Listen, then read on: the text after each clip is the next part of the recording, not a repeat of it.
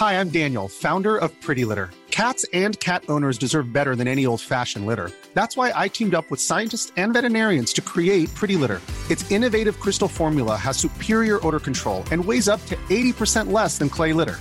Pretty Litter even monitors health by changing colors to help detect early signs of potential illness. It's the world's smartest kitty litter. Go to prettylitter.com and use code ACAST for 20% off your first order and a free cat toy. Terms and conditions apply. See site for details.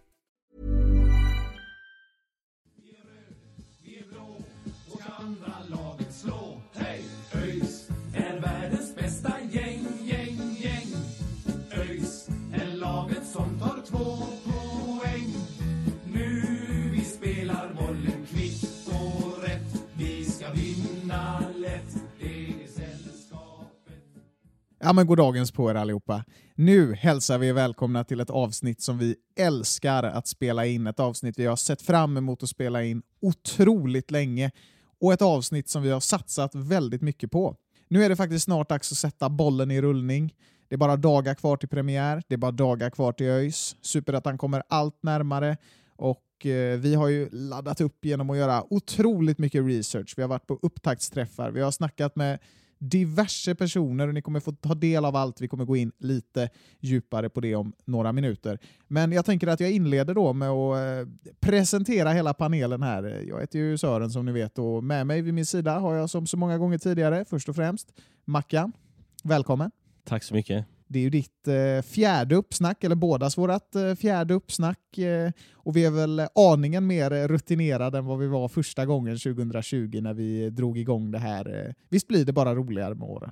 Ja, roligare blir det och sen skulle jag säga att det bara blir svårare och svårare också att eh, tippa den här ligan, eh, alltså det här året. Eh, det finns, eh, som vi säkerligen kommer in på, så finns det typ tio lag som kan komma etta eller tia. Så eh, ja, det, det, det blir roligare, men det blir också svårare. Ja, ja men det är en, det är en omöjlig liga. Det, det, fallhöjden är enorm när vi ska tippa det här. Med mig har jag ju också för första gången en debutant i uppsnackssammanhang. Love, du, eh, du börjar bli rutinerad i öjsnack, men det här är ditt första uppsnack. Hur, hur är din känsla inför att vi ska gå igenom allt det här? Nej, men det, är ju, det är ju grymt roligt och ja, men som Marcus är inne på där så är ju Superettan en fruktansvärt eh, svår liga att tippa och, och det är lite som ett kaninhål på något sätt att desto, desto längre ner man gräver desto djup, det bara fortsätter bli djupare och djupare. Eh, så jag skulle inte säga att jag blivit klokare av all research jag gjort direkt men eh, ja, taggad. Ja, men alltså det, blir, det känns nästan som att det är, ju mer research man har gjort desto svårare blir det att tippa serien. Liksom. För desto mer eh, koll man får på lagen, desto fler lag känns det som att ja, om de kan, eh, kan få allt att klaffa och stjärnorna står rätt så, så kommer det gå bra för dem i år. Liksom. Så det, känslan är att det, ju, mer man, eh, ju mer man har eh, gjort research, desto svårare har det blivit. Mm. Ja, men det är alltså det som du säger där, alltså, ju, ju, mer man utforskar den här ligan, ju svårare blir det att förstå den på något sätt. Um, men eh, vi ska försöka under de här avsnitten som kommer nu närmsta dagarna lära oss att förstå superettan lite mer och i alla fall försöka bygga oss en uppfattning om vilka lag som kommer vara med där uppe, vilka lag som inte är så intressanta och, och vilka lag som kommer ligga längst ner i, i botten. Um, och de här avsnitten då, det kommer ju vara fyra avsnitt nu de närmsta fyra dagarna. Och eh, i det första avsnittet så kommer vi ta fem lag, i det andra avsnittet så kommer vi ta fem lag, i det tredje avsnittet fem lag. Och vi avslutar ju naturligtvis då med ett riktigt jävla öjsnack. Vi kör ett helt avsnitt om ÖIS och eh, vi kommer ju gå igenom lite olika saker. Vi kommer ju prata om nyförvärv, vi kommer prata om försäsonger, vi kommer prata om vår tippning av lagen. Och vi var ju på Superettans upptaktsträff igår när vi spelade in det här och eh, lyckades eh, faktiskt få till intervjuer med alla tränare i Superettan, utom två då. Vi, vi fick inte med Helsingborg och Örebro. Eh, Örebro spelade ju en eh, match i måndag så kunde ju inte medverka med tränare på, på upptaktsträffen. Men det har vi löst genom att intervjua spelare. Då, så att det kommer en intervju från varje lag och i huvudsak tränare. Och eh, i det avsnittet som, som väntar nu så kommer vi, gå, vi att, så kommer vi gå igenom AFC, Geis, Gävle, Sundsvall och Helsingborg. Ehm, det är de fem som vi ska snacka upp här och nu. Ehm, grabbar, innan vi drar igång bara, om ni får eh, beskriva Superettan 2023 med ett ord, vad skulle det vara? Uff. Är det svårt kanske? Det, Jävlar, det är rätt Ja, det, svårt. det är svårt. Ehm, jag tycker ordet är svårt. Fan, ja, ja. ja, Ja, ordet är svårt. svårt. Det är, Ja. det är en bra precis. beskrivning faktiskt. Det, det, är ju, det känns ju liksom som det är en eh, serie som kanske är öppnare än någonsin och då är den här serien ändå liksom kanske världens mest öppna serie. Så, ehm, ja. Ja, men precis. Svårt. Ja, men jag, jag, jag, om jag skulle få tillåta mig själv att uttrycka mig med, med två ord så, så skulle jag väl säga liksom, att den här säsongen kommer präglas av små marginaler. Eh, det kommer vara, ja, men som vanligt, eh, en, en väldigt liten skillnad mellan negativt kval och positivt kval. Jag, jag, tror att eh, jag tror den här säsongen mycket kommer präglas av, av små marginaler om jag får uttrycka mig med två ord. Och, ja, helt enkelt en, en jämnare liga än på, på väldigt länge. Mm. En tabellmässig berg och dalbana kan man väl nästan säga. Ehm, Det finns alltid lag som öppnar hårt och faller, det finns alltid lag som öppnar dåligt och stiger. Och någonstans där så ska vi hitta två lag som går upp till allsvenskan och ett som ska få kvala. Och sen är det några som får göra det motsatta också, åka ner och kvala. ÖIS Vi, ska inte sitta här och älta allt för mycket utan vi ska väl hoppa in på årets första lag och det är samma lag som vi alltid börjar med i och med att vi alltid går i bokstavsordning. Det är AFC Eskilstuna som ju, ja, det börjar kännas som ett klassiskt superettanlag faktiskt. Ehm, Grundade 1991 då som Café Opera, sen blev de Café Opera i Djursholm, sen blev de Väsby United, sen blev de AFC United, sen blev de AFC Eskilstuna. Så det, det egentliga grundandet det kan vi ju ägna ett helt avsnitt åt att sitta här och diskutera egentligen. Eh, man tränas av Jawad Al-Jebouri, en eh, ung tränare som eh, gör sin tredje säsong som eh, huvudtränare för, för AFC. Och när vi spelar in det här så är det ju ja, deadline day då, så det kan ju alltid komma in någon ny spelare. Pratar vi om AFC kan det ju komma in tre nya spelare. Det har ju som alltid varit enorm rörelse i transferled i, i AFC Eskilstuna och det känns som att det har kommit in en ny startelva och det har försvunnit en ny startelva. Ehm, ett intressant nyförvärv värt att nämna kan ju vara Seki Friars med stor rutin från engelska ligan. Som, eh, ja, det var ju ett par år sedan, men det är ju lite häftigt att han har gått till Sverige och eh, man har ju tappat spelare som eh, exempelvis då eh, Ashley Coffey och Mamar Men Vi kommer in på det mer. AFCs försäsong eh, personifierar väl AFC på något, på något sätt. Det är spridda skurar, det är upp och ner. Man har några tunga förluster, 1-5 mot, mot Djurgården och 1-4 mot Eskilsminne. Samtidigt som man har tagit några skalper, man har slått Gävle, men det såg väldigt tungt ut i inledningen av försäsongen och det har väl stegvis blivit bättre och bättre. Nu har man slagit Västerås och Sundsvall med 2-1 här i, i senaste matcherna. Och vi brukar ju alltid skoja om det, att man, man, när man pratar om AFC inför så säger man att ja, antingen så vinner de eller så åker de ur, men förmodligen så, så kommer de åtta. Och det är ju så det brukar bli. Det blev en åttonde plats i fjol och det var väl Ja, det var väl ett mittenlag egentligen hela tiden. Det var aldrig speciellt spännande att följa AFC, men eh, ja, det är onekligen en klubb det är onekligen en klubb med enormt mycket rörelse. Men eh, innan vi börjar gå igenom dem så eh, ska vi ta och lyssna på vad Jawad Al-Jebouri har att säga. Marcus, du fångade ju honom på upptaktsträffen. Så vi tar och lyssnar på det. ÖIS är världens bästa gäng, gäng, gäng. står vi här med Jawad Al Jabouri, tränare för AFC. Ni var tippad någonstans i mitten och har varit i mitten nu i tre säsonger i rad. Eh, det är där någonstans ni har ambitionerna i år också. Jag tror att eh, i år kan vara en av våra största utmaningar. Vi eh, har eh, egentligen bara en eh, utespelare eh, som var ordinarie förra året att stå på. Resten är antingen nya eller har inte varit ordinarie förra året. Så att vi har stora utmaningar framför oss och, och kan, vi, kan vi landa där någonstans så är vi absolut stolta över det. Mm. Eh, många nya spelare säger du. Är det, är det det som blir nyckeln att få spela ihop laget och, och få alla att dra åt samma håll? Eh, det stämmer. Eh, vi, vi har pratat mycket om det och försöka få ihop snabbt en, en bra grupp, eh, kemi och dynamik eh, där vi alla kan eh, vara samspelta och, och, och, och kämpa och, och slita i matcherna eh, för att eh, försöka få med oss eh, ja, så mycket poäng vi kan i varje match helt enkelt eh, så att det kan räcka eh, en bra, bra bit in på säsongen. Och eh, man ser till försäsongen, ni har ju blandat lite grann, vissa bra resultat och så något plattfall. Är, är, hur ser du på försäsongen som helhet? Ja, den eh, har gjort att det är lite svårt att, att sia om eh, vart vi står. Eh, vi både ju varit högt och lågt. Måste hitta en, en stabilare struktur eh, som vi har försökt de här senaste två matcherna. Vi har plockat två bortasegrar mot seriekonkurrenter Västerås och, och Sundsvall.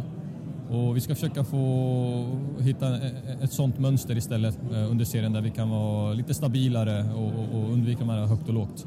Mm. Eh, och avslutningsvis, eh, vem, eh, ni har ju tappat Ashley Coffey som har gjort mycket mål de senaste åren. Vem, eh, vem blir er eh, främsta målskytt i år tror du? Vi har ju plockat in Simon Karlsson Jay som ersättare och vi hoppas att vi kan börja få igång hans målskytte snart och då vet vi att det, då kan det rinna, rinna igenom ganska bra. ÖIS är världens bästa gäng. Ja, en eh, Jawad Al-Jabouri som pratar mycket om eh, att nyckeln är att få till en bra gruppkemi och kämpa tillsammans. Man vill hitta stabilitet och eh, ja, utmaningen är ju enorm. Det är ju spelare till höger och till vänster som är nya, men ja, man försöker väl få det att landa något positivt. Och så tror man på Simon Karlsson Adjei då som, som skyttekungen, spelare som inte spelade så mycket under förra året, men som ju har allsvensk rutin och har gjort det väldigt bra i division 1. Eh, ert intryck av AFC, är det Simon Karlsson Adjei som ska lyfta dem till nya nivåer i år? Ehm, ja, alltså det är klart att eh, mycket av målhoppet eh, ställs ju till, till eh, Simon Karlsson Adjei givetvis eh, att han gör en del mål, men det, det finns eh, många andra i, i det här laget som, eh, som ska vara med och eh, lyfta det. En av dem är ju lagkaptenen Ryan Williams såklart. Eh, sen hoppas man väl eh, då på Seki Friars där som du nämnde tidigare som har eh, spelat i både United och Tottenham i, i sina dagar så han har ju åtminstone ett gediget CV. Sen har han ju inte varit sådär jättebra på senaste då kanske. Och sen har man ju också då en, en, en mittfältare som en gång i tiden faktiskt var utsedd till den mest lovande spelaren i, i Ghanas Premier League, eh, nämligen eh, Abdul Halik Hudu. Eh, så ja, det finns ju lite, lite att ta av i, i AFC ändå, i, trots den här enorma eh, spelaromsättningen som ju Javad var inne på blir ett, eh, ett stort, eh, en stor utmaning för dem.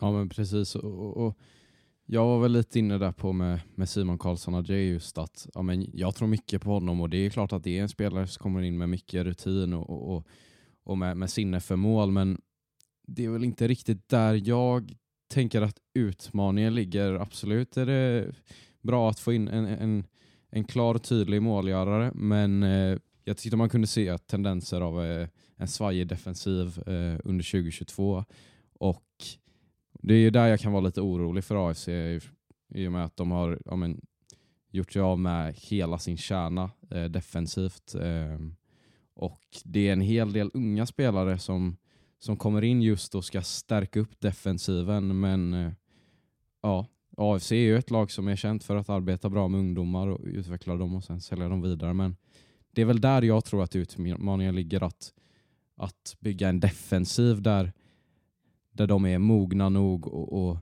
och vågar ta plats och, och ja, men helt enkelt klara av den här hårda, hårda serien. Eh, ja, men det är väl någonstans där jag tänker att utmaningen ligger. Mm. Det känns ju väldigt svårt, tycker jag, att bygga liksom kontinuitet i ett lag där det värvas in en ny startelva för varje säsong. Jag kan nästan känna att AFC känns som superettans akademilag. Liksom. Det kommer tio talanger varje år. Det kan slå åt vilket håll som helst och nästa år så blir de slussade vidare i karriären. Så det, det, är ju, det känns ju nästan lite svårt att bli trotjänare i, i AFC. Liksom. De, de, eh, det är sällan man stannar länge. Eh, och jag ställer mig lite frågande till hur länge en sån process kommer att hålla. För, för något år kommer det ju slå väldigt hårt och, och man skickar inte vidare talanger, man tjänar inte lika mycket på det och sådär. Ehm, men det här känns ju någonstans ändå, tycker jag, som en trupp som ändå absolut bör kunna hålla sig kvar. Om, om, om ni får peka ut en nyckelspelare som blir extra viktig för AFC i år, vem skulle ni plocka då? Ja, alltså i och med att, eh, som Love var inne på där, att de har tappat mycket av sin, eh, sin defensiva stomme. De har tappat eh, då som var lagkapten i fjol. Man har tappat, eh, ja inte defensiv då, men Alsanati som, som har gått till Sirius som var offensivt bra och man har tappat eh, Mikael Marquez som, som var riktigt bra i, i, i fjol. En, en ung mittback som, som gjorde det bra och gått till Minnesota. Eh, så, så i och med det så, så är det ju de som är kvar som eh, får, eh, får, får bli nyckelspelarna då som får leda vägen för det här eh, nya gänget som visserligen, det, det ska vi komma ihåg, det ska vi inte glömma att det är nästan första gången i, i AFCs historia som de har ett hade ett lag på plats nästintill helt klart redan vid första träningen. Eh, annars har det ju varit mycket, ja, men som nu då på deadline day, att man har fått plocka in eh, spelare i sista minuten. Eh, Eh, men med det sagt så, eh, så tror jag att ehm, att eh, den enda liksom, utespelaren som, som var ordinarie i fjol och som, som eh, förväntas bli ordinarie i år också, som dessutom har tagit över kaptenskapet från Chaoché, så, så tror jag att Ryan Williams blir, blir nyckelspelare i år för AFC.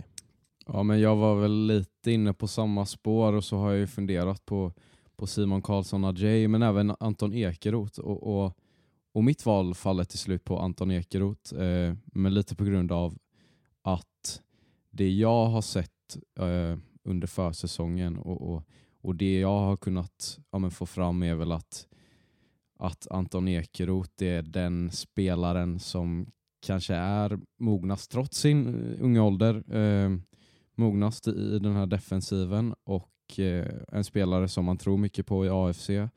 Eh, han gör en, en helt fantastisk eh, halvlek mot Degerfors där, där man bara förlorar med 1-0 och, och, och, att, att stå upp så bra mot ett allsvenskt motstånd det, det, det är någonstans inte helt lätt och, och, och där är Anton Ekroth en, en bidragande faktor som jag tror att kommer vara ja, men, avgörande för att hålla upp den här defensiven 2023. Ja, men det är ju intressanta spelare allihop. Jag har ju suttit och funderat otroligt mycket på vem som liksom ska leda det här AFC. Alltså bevisligen så, så är ju eh, Ryan Williams en, en, rutinerad spelare och som ändå någonstans vet vad det innebär att spela svensk elitfotboll. Det, det är ju bevisligen inte alla de här som vet det i och med att det är så många spelare.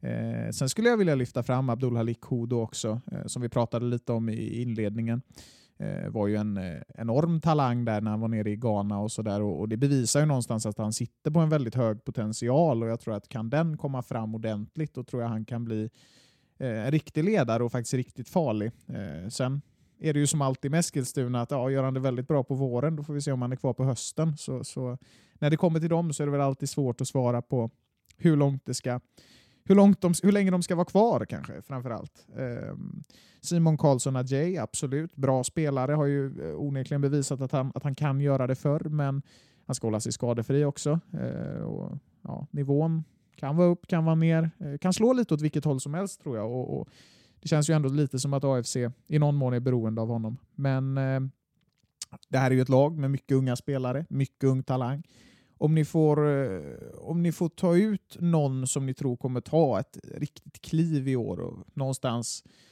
få en väldigt viktig roll i AFC som, som kanske ingen riktigt har pratat om än. Vad tror ni då?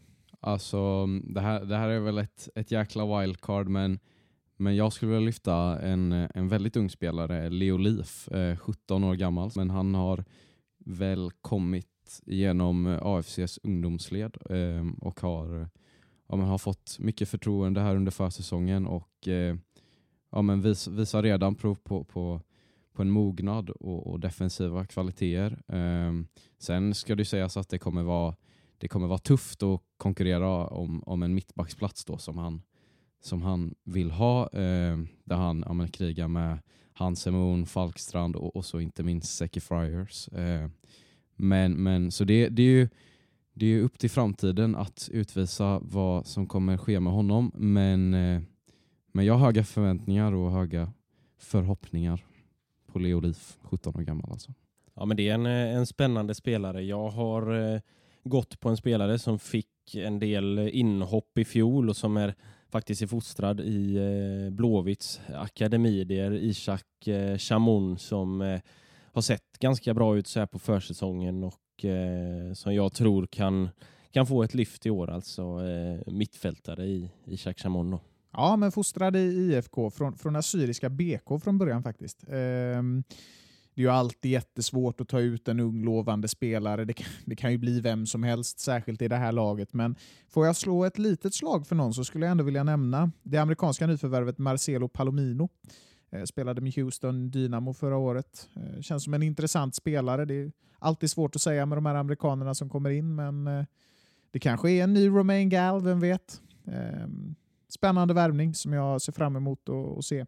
Och, ja, kanske inte mot ÖIS, där får han inte vara så bra, men sen kanske han kommer igång lite. Det får vi se. Ja, men precis. Han har väl också följt med USA i, i alla landslagsled ända upp till ja, nu U21, så jag tror inte han har slått sig in i, i seniorlaget än, men eh, ja, uttagen i, i alla ungdomslandslag hittills, så det, det vittnar väl om, om kvaliteter. Ja, men de är nöjda. Så det är ju det är svårt att slå sig in i amerikanska A-laget idag. De är faktiskt, de börjar bli riktigt bra, men vi får se. Det kanske kommer i, i framtiden.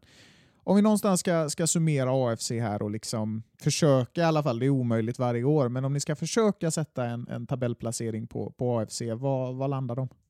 Ja, men jag har väl ändå någonstans kommit fram till, även fast ja, som de troligtvis kommer sluta 8-9 där någonstans, men, men jag har väl kommit fram till att de slutar på en eh, 14 plats. Eh, jag tror att de kommer behöva kriga i år. Ehm, det, det är en skicklig tränare, absolut, och, en, och ett lag som är, som är ja, men, vana vid att arbeta med ungdomar, men eh, ah, jag vet inte. Jag tror någonstans att det här ständiga omkastandet av, av truppen kommer att ja, men, visa sina brister i, i år. Eh, ja, sen kanske det går superbra, vi får se, men, eh, men det är någonstans där jag landar. Oväntat lågt ändå jämfört med, med övriga eh, tippare här. Marcus, är du också inne på en dålig säsong för AFC eller tror du att det kommer gå ungefär som vanligt? Nej, men det, det man kunde läsa lite mellan raderna tycker jag när, när jag pratade med eh, Javad där var ju att eh, de står inför en tuffare säsong i år, tror han, än vad de har haft eh, de senaste åren. De har ju varit eh, ganska precis i mitten i, i tre säsonger, nia två år och så åtta i fjol. Eh, men jag tror att de får väl det ungefär där någonstans i år, kanske lite kämpigare. Eh, så jag har landat i att de eh, med lön och näppe klarar sig undan kval. Så de, eh, jag har placerat dem på en tolfte plats. Mm. Jag är väl inne på, på samma spår som dig, eh, Marcus. Jag tror, eh, jag tror ju lite som du är inne på, Love, också att det, det här AFC håller på med, med att värva så många nya spelare varje år. Det kommer braka åt helvete förr eller senare. Det går inte att hålla sig på en åttonde plats med det systemet varje år. Sen tror jag inte det blir i år det händer. Jag tror kanske snarare att det är nästa år det kommer börja gå ut för rejält, om jag får gissa. Ehm, jag tror på en elfte plats. Jag tror att man kommer att ha det ganska tufft i säsongsinledningen, men eh, på klassiskt AFC-manér värva lite under sommaren och någonstans hamna precis ovanför kvalstrecket. Eh, det kommer att hålla en säsong till i min bild i alla fall och så får vi se om vi har rätt eller fel. Förmodligen har vi ju fel, för det brukar vi ha. Ja men exakt. Jag tänkte väl lite där varför jag tänker att det, det då kommer braka ihop det här året är väl som vi har sagt att, att konkurrensen är stenhård i år och det, det är ett svårare superettan än på väldigt länge och, och då tänker jag att det, det kanske är nu som eh, AFC går ner sig helt och hållet helt enkelt. Eh, men vi får se. Ja, eh, har ni, om man får fråga, har ni ändrat er från, för vi var ju faktiskt med och, och tippade, var med och tippade mediatipset. Det var ju två veckor sedan ungefär. Har ni, har ni ändrat er från det eller har ni stått fast vid det? Jag har ändrat mig, eh, eller så här, eh, om, om man ska placera ett lag någonstans i tabellen, jag har liksom inte ändrat mig fem placeringar på något lag, men det har varit lite, lite små justeringar eh, fram och tillbaka, det får jag vara ärlig med att säga. Ja, jag kan ju säga att jag, jag har kastat om min, min tippning ett x antal gånger. Och, ja, det, är, det är lag som har, som har flyttats både fem och tio placeringar, så det, det, det är ett jäkla rabalder i min tippning. Eh, ja, men jag har också, eh, som Love där, jag har kastat om ganska mycket. Det, det, man har ju liksom, eh, som vi sa tidigare, där man har grävt längre ner i det här kaninhålet och, och, och fått mer info och, och även sett, eh, sett de sista matcherna här på försäsongen. Så jag har också kastat om en hel del. ÖIS Då, då går vi över till andra sidan motorvägen. Då. Eh, det fick vi ju inte göra i fjol. Vi ska prata om Geis Gais som ju grundades 1894 och tränas av Fredrik Holmberg och som förra året, ja, de gjorde ju faktiskt en väldigt bra säsong i division 1. Det kan vi ju inte, kan vi ju inte dementera och till vår stora förvåning får man väl ändå säga, jag tror jag kan tala för oss alla tre, så, så var Geis tippat som trea av den samlade mediakåren. Eh, vi bidrog inte till det. Eh, I alla fall inte så mycket. Eh, ett lag som ändå har fått behålla väldigt stora delar av stommen från förra året som ju ändå var ett succéår, liksom, om det nu kan bli en succé i division 1. Då. Eh, men det är klart att det är lite spelare som har, eh, har lämnat också. Emin Grostanic till exempel har ju, har ju gått till Värnamo. Och eh, lite spelare har kommit in. Eggson Binacco är väl ett bra exempel från Norrköping. Alexander Ahl Holmström från ÖIS. Går väl att diskutera. Eh, Geis har haft en eh, väldigt bra försäsong. Det har blivit många vinster, bland annat mot IFK. Eh, man har slått Helsingborg och eh, ja, det samlade intrycket är väl att de har eh, imponerat helt enkelt. Så att eh, det är väl ett, en ganska stark upplaga av guys får man väl säga som har eh, tonat upp sig här under försäsongen och eh, Senast de var i Allsvenskan var ju 2012 och vi hoppas väl att det dröjer ett par år till innan det händer igen. Men eh, jag tänker så här, Love, du tog ju det ett snack med Fredrik Holmberg, eller Fidde som man kallas då. Du gick över till fiendeland lite där får man väl säga, men det var ju berättigat med tanke på att vi behövde lite material. Ehm, vi tar väl och lyssnar på den intervjun och ser vad den här Fidde har att säga då. Yes, då står vi här på upptaktsträffen 2023. Eh, här med Fidde från Gais. Eh, hur är känslan? Nej, men det är kul att det snart är på gång, att det är seriepremiär inom en vecka. Det är bara några dagar kvar, så det är jävligt kul. Yes. Ett, eh, ett bra år, ett imponerande år får man säga, 2022. Vad, vad är det viktigaste som ni tar med er från, eh, från i fjol? Eh, nej, men känslan, lagkänslan och känslan av att vinna tillsammans och tackla mot och medgångar ihop och bygga laget. Eh, det är väl de stora sakerna. Sen också eh, killarnas inställning och till träning, till hård träning. Den, eh, den är imponerande och den hoppas jag att eh, vi kan fortsätta skruva på ytterligare. Yes, ja, jag tänker, ni har, ju, ni har ju fått möta en hel del utmaningar som ni har behövt ta er an. Vad, vad skulle du säga blir er största utmaning inför detta året? Nej, men eh, lagen här naturligtvis, det är nivå upp så det kommer, allt kommer gå lite snabbare. Det kommer vara bättre motståndare. Eh, rent generellt tänk, tänker jag väl så att vi behöver göra allt i högre tempo och eh, snabbare fart. Vi behöver få upp tempot i allt vi gör. Sen ska vi försöka göra det på vårt sätt. Sen gäller det väl också att hantera kanske, vi kanske inte eh, vinner fullt så många matcher eh, som vi gjorde i fjol, det vet jag inte. Men eh, det finns ju chans att vi blir utmanade på ett annat sätt och då måste vi klara av motgångar i matcher eller sämre perioder i matcher och eh, mellan matcher och allting. Så att hantera det blir väl också en nyckel, att hantera medgång och motgång på ett bra sätt. Yes, och ni, ni tippade ganska högt upp här av media. En, en tredjeplats hamnade ni på enligt media. Vad, vad är det viktigaste för att ni ska kunna nå så höga höjder eller för att ja, kunna ja, nå er fulla potential? Har du några framgångsfaktorer eller några nycklar där?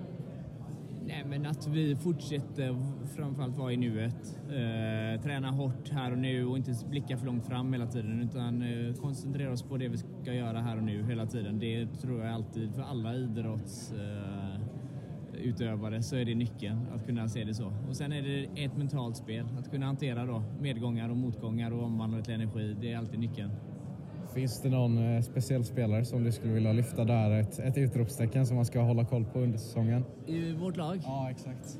Och det är många, alltså, jag kan inte ta ut någon speciell faktiskt, utan det är många som har, eh, men eh, det, det, det är en för svår fråga för mig att svara på. Det är många. Eh, Jag lyfter hellre alla. Absolut. Har du någon, eh, någon som du tänker dig så kanske blir intern skyttekung eller vem, kommer stå för målen i år? Ja, nu pratar vi med ÖISare. Tankarna blir ju genast, det blir enkelt att tänka till Holmström att eh, liksom, eftersom han, eh, den övergången har blivit som den har blivit med den då.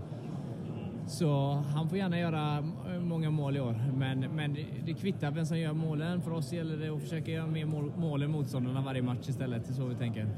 Yes, har, ni någon, har ni någon motståndare som ni bävar lite extra inför? Någon som ni ja, men, tror kommer bli extra tuff i år? Nej, det, jag tycker alla, är, har alla matcher har sin utmaning. Eh, så vi får vara be, beredda på olika saker i varje match. Sen ska det bli jävligt kul med derbyna eh, det här året. ÖIS är världens bästa gäng, gäng, gäng. Ja men du Love, hur var det att snacka med Gaisar egentligen? Ah, alltså, det var väl lite blandade känslor när jag snackade med honom. Jag, jag ska inte neka det. Han var, han var mycket trevlig, men, eh, men jag var ju lite sugen på att lägga någon liten pik där. eh, eh, Men det kändes väl ah, det kändes lite oprofessionellt. Och, så det, det, blev, det blev inga pikar. eh, Så om ni tycker att jag låter lite väl snäll så, så får ni gärna förlåta mig för det. Kan man tänka sig att han pikade dig lite när han satte Alexander Ahl Holmström som tänkt skyttekung? Ja, alltså ja, lite kanske, men, men jag tyckte ändå han gjorde det på ett ödmjukt sätt. Men eh, ja, det, Alexander Ahl Holmström eh, sticker alltid i mina ögon. Ja, han var ju ändå inne på att eh, han tog, det kändes ju lite som att han tog Alexander Ahl Holmström där för, just för att det, det var en, en nöjespodd som han, han snackade med. Liksom. Ja, men det blir väl lite, vad ska han, an- eller, Ja. vad ska han annars säga? Det blir, det blir väl det, det första namnet som poppar upp. Hade vi varit från Gävle så hade han inte sagt samma sak. Nej men i alla fall så, så, så känns väl guys. de känns ju väldigt hoppfulla inför den här säsongen och de har ju resultat i ryggen som talar för att det ser väldigt bra ut. Eh, om ni får liksom göra en genomgång på guys. vad, vad är styrkorna, vad är svagheterna? Vilka blir nyckelspelare? Ja, nej men eh, som du säger så, så är det ju ett guys som har haft en stark försäsong bakom sig. Man har fått behålla de flesta och, och har eh, mycket rutin i laget. Eh, jag tänker framförallt på Mervan Selik och, och August Wengberg kanske då. Ehm, och man har ju gjort det bra på försäsongen. Det är många spelare som har levererat, eh, även de äldre, det äldre gardet då i, i som liksom, har gjort flera mål i kuppen och sådär. Eh, och, och faktiskt känns som att han har den här gången kommit in bättre i Gais än, än tidigare när han har bråkat sig lite grann bort från klubben och så. Det är, de, har ju, de har ju fått in eh, en del eh, intressanta nyförvärv. Eh, Alexander Ahl Holmström och eh, skyttekungen från division 2 med eh, superettans kanske absolut eh, fräschaste namn i Shimson Shikashidi. Eh, sen har man ju eh, både fått in och eh, tappat eh, Abbas Mohammad då som, som ja, vi, vi, har, vi har varit igenom den historien men det, nej, nej, det blev väl ingen lyckad sejour i guys för hans del. Inte helt lyckat kan vi väl summera det som. Nej, nej, det blev väl ingen eh, lyckad sejour i guys för hans del.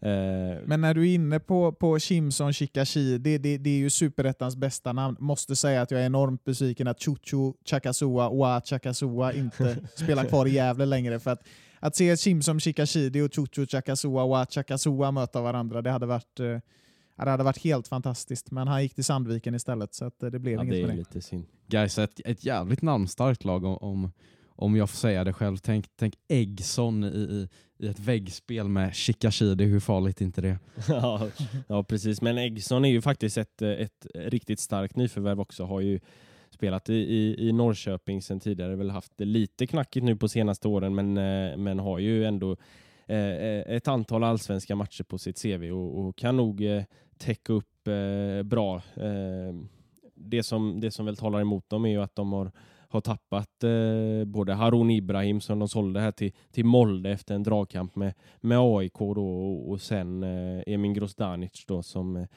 som var, var en eh, riktig mittbacksgeneral. Eh, Så det är, det är ju två stora tapp. Eh, de har väl inte fått in några sådär ordentliga ersättare för dem egentligen, men eh, de har ju fått behålla mycket och spetsa till på lite andra positioner. Ja men precis. Och, och, och det här, jag, här är jag lite, lite kluven. Va? Eh, Ja, alltså en av deras största framgångsfaktorer eh, i år tänker väl jag är det momentum de, som de får med sig ändå från, från en, en väldigt lyckad säsong i, i division 1 och, och, och sen då en, ja, en, en mycket godkänd eh, försäsong på det. Eh, men någonstans kan väl jag känna där att ja, för det första så, så kan det ju leda till hybris, men om jag får, får göra en liten Formel 1-referens. Eh, stallcheferna brukar ju ofta snacka om att så här, eh, det är bättre att det går dåligt eh, för bilen. Du får en dålig placering, men du vet vad som är dåligt med bilen. Du vet vad du måste förbättra. Det värsta som finns däremot är att det går bra, men du vet inte varför det går bra eh, för, för bilen. Och det är lite där jag tänker att guys är att det är så här, om det är väl ett gött gäng som har fått flyt och, och kommer upp med mycket momentum, men det är inte direkt som, alltså här, på papper tycker jag ändå inte att guys är så här en jätteslagkraftig trupp. Och guys är ju alltid guys, så de viker ju ner sig. Mm.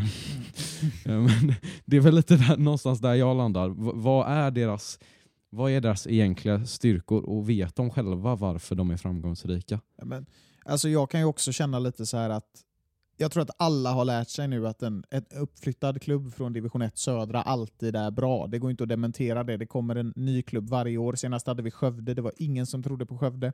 Femma i serien. Det har varit, vi har sett Värnamo lyckas jättebra. Vi har sett Mjällby lyckas jättebra.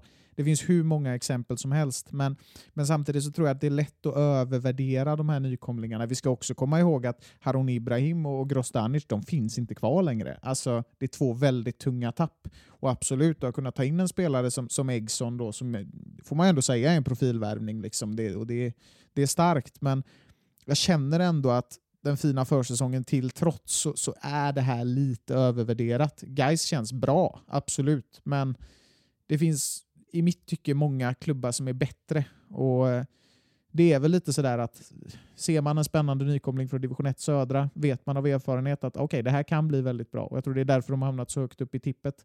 Eh, svårtippade. Eh, men alltså om vi ska hitta en nyckelspelare i Guys i år, eh, vem skulle ni ta ut?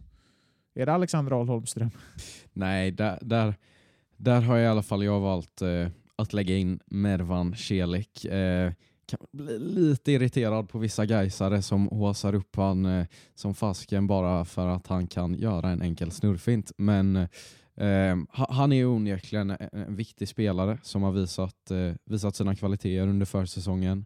Eh, även fast hans se- tidigare sessioner i Gais kanske inte har varit de allra mest lyckade då så så ses han väl ändå som någon slags kulturbärare och, och de är ju alltid viktiga i ett lag. Eh, ja, men gam, eller, inte gammal, men, men man får säga att han är lite äldre. Han har rutin, han har erfarenheter. Eh, jag tror att eh, Mervan Celik kommer vara en bärande spelare 2023 för Gais. Jag, eh, jag stod mellan eh, Mervan Selik eh, och och eh, August Wengenberg och jag landade till slut att det blir öjsaren August Wengberg. Han inledde ju faktiskt sin karriär i, i ÖIS, eh, spelade ju ÖIS eh, fram till, eh, till han blev senior helt enkelt då. Men nu har han ju varit eh, länge i Gais och, och, och har, har burit eh, Gais mycket och, och är ju tillsammans med Mervan Selik då kulturbärare ehm, och blir, är otroligt viktig på, på, i, som mittback då. Eh, och, och, och bidrar med eh, rutin och stabilitet på, på backlinjen. Så jag, ehm, ja, det stod mellan, eh, jag var inne på Selik också, men eh, landade till slut i Wängberg då. Eh, jag är faktiskt inne på spåret att det här blir Mervan Seliks stora år. Eh, han kommer in med mycket förhoppningar. Det är en rutinerad spelare som vet hur det ska gå till. Jag tror att håller han sig skadefri så kommer han absolut göra ett par mål. Eh, och hans stämpel som kulturbärare kommer ju alltid att lyfta honom lite extra också. Så att om Ervan Selik gör ett par mål, då kommer det liksom pratas om att det är någonstans är han som är huvudfiguren i Gais så det, det är ju ett självförtroende också någonstans. Eh, så jag tror att det är han som får uppleva sitt stora år i år. Eh, Det är jag rätt säker på.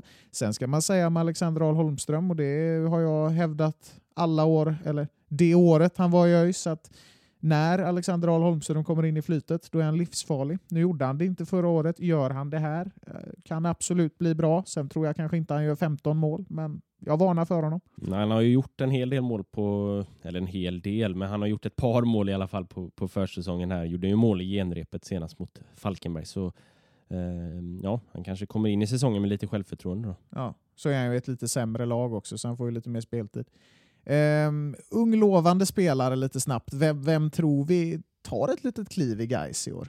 Alltså, det kanske inte är liksom ett, ett genombrott. Han har väl på sätt och vis redan fått sitt genombrott nu på försäsongen. Men, men jag tror att eh, Eggson Binaku kommer vara den så, som tar allra störst kliv under 2023 och, och som kommer visa sig vara, vara redo att vara en, en, en, också en nyckelspelare då i, i Gais 2023. Um, ja, blev ju eh, rankad högt upp i, i, i Sportbladets lista över eh, Superettans bästa värvningar och, och jag tror att den listan har rätt eh, när det kommer till Eggson Binaku. Ja, eh, jag är inne på en egen produkt faktiskt som blev uppflyttad till A-laget inför i år. Eh, mittback, ung mittback i eh, Filip Bäckman som har gjort det bra här på försäsongen och eh, och, och, och, i synnerhet då mot, mot Blåvitt där han faktiskt eh, städade av eh, de blåvita anfallarna ganska bra. Så eh, jag tror att Filip Bäckman kommer att, eh, kanske inte från början, men jag tror han kommer växa in i säsongen och, och till slut avsluta den riktigt bra. Eh, du är inne på Norrköping, Egson Binako, eh, Love. Jag är också inne på Norrköping. Jag säger faktiskt eh, Dino Salihovic, eh, ung spelare som har värvats från Norrköping. Han är född 2002 kan absolut bli riktigt bra. Eh, har ju rutin från allsvenskan och kan eh, nog tillföra en hel del i det här eh, Geist tror jag. Ja, vi ska ju komma ihåg att han är ju på, på lån också då, så ja. gör, han det bra i, gör han det bra i Gais så går han säkert tillbaka till, till Norrköping. Det är det som är min plan, att han ska gå till sommaren och så blir det lite tråkigare i Gais. Eh, ja, eh, avslutningsvis, går Gais upp i år? Kan vi få ett svar på tre? Ett, två, tre. Nej. Nej. Bra, då är vi överens. Ja. Vad har ni tippat ja, vad, vad har ni satt Ja, det, det, det, var väl en rimlig följdfråga. Du, du kanske vill börja, Marcus? Ja, nej men jag har, eh, jag har eh, velat lite med guys och, och flyttat dem både upp och ner eh, ett antal gånger och jag satt faktiskt här nu eh, för ett par minuter sedan när vi satt och snackade här och, och ändrade lite i mitt tips och landade i att eh, guys kommer nia i år.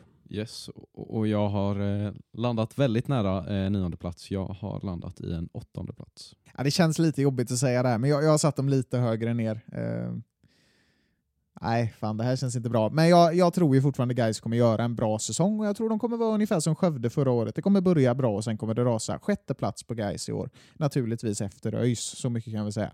Det är det viktigaste. Och de åker inte upp. Vi skulle stannat på nej. Ryan Reynolds here from Mint Mobile. With the price of just about everything going up during inflation, we thought we'd bring our prices down. So to help us, we brought in a reverse auctioneer, which is apparently a thing. Mint Mobile unlimited premium wireless. Ready to get 30, 30, bit to get 30, bit to get 20, 20, 20, bit to get 20, 20, bit to get 15, 15, 15, 15 just 15 bucks a month. So, Give it a try at mintmobile.com/switch. slash $45 up front for 3 months plus taxes and fees. Promo rate for new customers for limited time. Unlimited more than 40 gigabytes per month slows. Full terms at mintmobile.com. Everyone knows therapy is great for solving problems, but getting therapy has its own problems too, like finding the right therapist, fitting into their schedule, and of course, the cost. Well, BetterHelp can solve those problems. It's totally online and built around your schedule. It's surprisingly affordable too. Connect with a credentialed therapist by phone, video, or online chat, all from the comfort of your home. Visit betterhelp.com to learn more and save 10% on your first month. That's BetterHelp, H E L P. Gubbar. Är världens bästa gäng, gäng, gäng. Ja, men då eh, rör vi väl oss eh, från Gais då upp lite mer norrut till eh, en annan nyuppflyttad klubb. Det är bara två nya, eller nyuppflyttade klubbar i Superettan i år. Och eh, Gävle som är den andra känns väl inte riktigt lika starka på pappret, men de är tillbaka i elitfotbollen för första gången sedan 2018 när de åkte ur Superettan. En, en klassisk allsvensk klubb får man ju nästan säga det här. De grundades ju 1882 som eh, idrottsförening då, men fotboll drog de igång med 1896. Eh, tränas av Mikael Bengtsson och hade ju en eh, väldigt fin säsong får man ju säga i division 1 norra förra året. Eh, gick upp, var väl en liten batalj mot Sandviken, men, men om jag inte minns fel så avgjorde Gävle ganska tidigt ändå. Ehm, har väl värvat in, man har väl försökt att hitta lite rutin från superettan. Eh, mest intressanta värvningen för mig och för er antar jag också är Robin Wallinder då, gammal öisare som, som nu huserar i Gävle. Eh, man har ju också då, till min stora sorg, tappat Chuchu Chakasua, Wa Chakasua och några andra också. Eh, men de hade inte lika roliga namn så jag skiter i att nämna dem. Gävles försäsong har väl varit alltså, inte så imponerande egentligen. Man har ju man tog en tidig seger mot Brage som följdes av en oavgjord match mot Sundsvall och en förlust mot Eskilstuna. Sen har man mest mött sämre lag från, från division 1 norra bara då. Ja, det har ju blivit segrar två gånger, men, men senast en förlust mot Vasalund då, som, som visserligen är väldigt högt tippade i division 1 norra, men det känns väl inte som att eh, nivån har varit enorm på försäsongen i alla fall. Och eh, på upptaktsträffen så, så tog jag med ett litet snack med Gävles tränare Mikael Bengtsson. Och eh, ja, det får ni lyssna på här.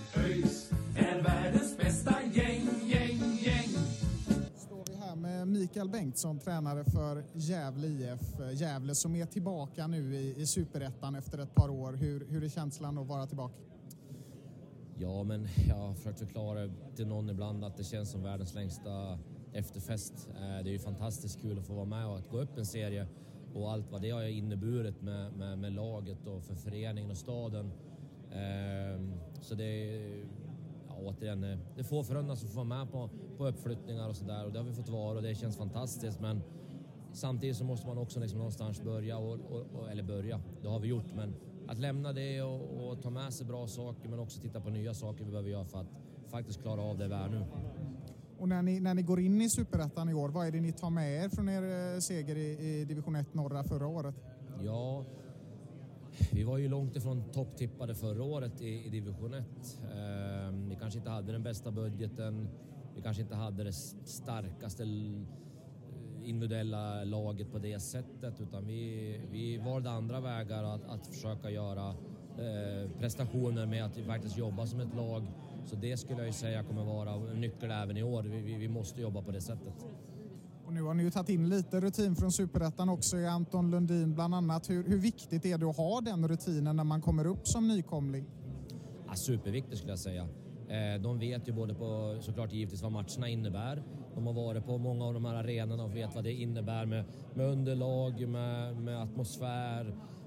Ja, allt sånt. De vet också vad som krävs så att de hjälper ju att få vara drivande även i så att säga träningsmiljön som vet att okej, det här är inte good enough. Vi måste shape upp det liksom. och, och, och ju fler som kan hjälpa till med det ju förhoppningsvis träffsäkrare blir vi på att vi kan ligga på den nivå vi vill ligga på. Och ett av era nyförvärv inför den här säsongen det är ju Robin Wallinder senast från eh, ÖIS. Vad, vad, vad är ditt intryck av Robin så här långt? Ja, jag ehm, måste säga att jag är positivt överraskad. Jag hade som person, ja, jag hade aldrig, trä- aldrig träffat honom. Jag har sett givetvis honom spela. Men det är alltid så att det kan vara stor skillnad på hur de, de är på plan och utanför. Eh, men eh, de- den, eh, den tiden jag har fått träffa honom nu och lärt känna honom så är det ju fantastisk kille. Eh, jag är jätte, jätteglad att han kom in i det här och känns verkligen, fast en väldigt ung målvakt, väldigt, känns som en väldigt rutinerad och tar på sig ett stort ledarskap och hjälper till att bidra till andra. Och, eh, otroligt fina värderingar, precis som går hand i hand med vad vi vill göra och, och så vidare. Så att, eh, utifrån det så jättepositivt intryck. Ja, men kul. Eh, är det han som är tänkt första målvakt in i den här säsongen? Ja, de som konkurrerar var ju en annan göteborgare tänkte jag säga som också är där nu då, men som inte kanske kommer från Superettan. Men Tobias som också har gjort, eh, tycker jag faktiskt är väldigt bra på försäsongen. Så att, ehm, det, det, det blir en konkurrens mellan dem, eh, skulle jag säga. Och inför säsongen, är målsättningen att hålla sig kvar eller siktar ni ännu lite högre? Jag ska ge ett väldigt ett udda svar i det här ska jag säga. Eh, Vår målsättning är att spela elitfotboll 2025. Ja, nej, men det, det låter spännande. Då kan man tolka det på lite olika sätt. Ja, men precis. Absolut. Ehm, ja, men vi tackar väl så mycket för detta och önskar all lycka till. Eh, en sista fråga bara. Eh, vem tror du blir eh, er bästa målskytt den här säsongen? Ja, vi hade ju Leo Englund förra året som gjorde 22 mål och han bör, får hoppas, kan fortsätta leverera på den här nivån och då, då bör han bli det. Så Leo Englund blir mitt svar.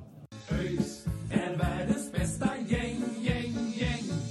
Ja, Mikael Bengtsson är ju, är ju nöjd att Gävle är tillbaka och verkar rätt nöjda med Wallinder också. Ger också en mycket, ett mycket oklart svar. Han säger svensk elitfotboll 2025. Det, får vi, det, det fick jag tolka som han ville, sa han.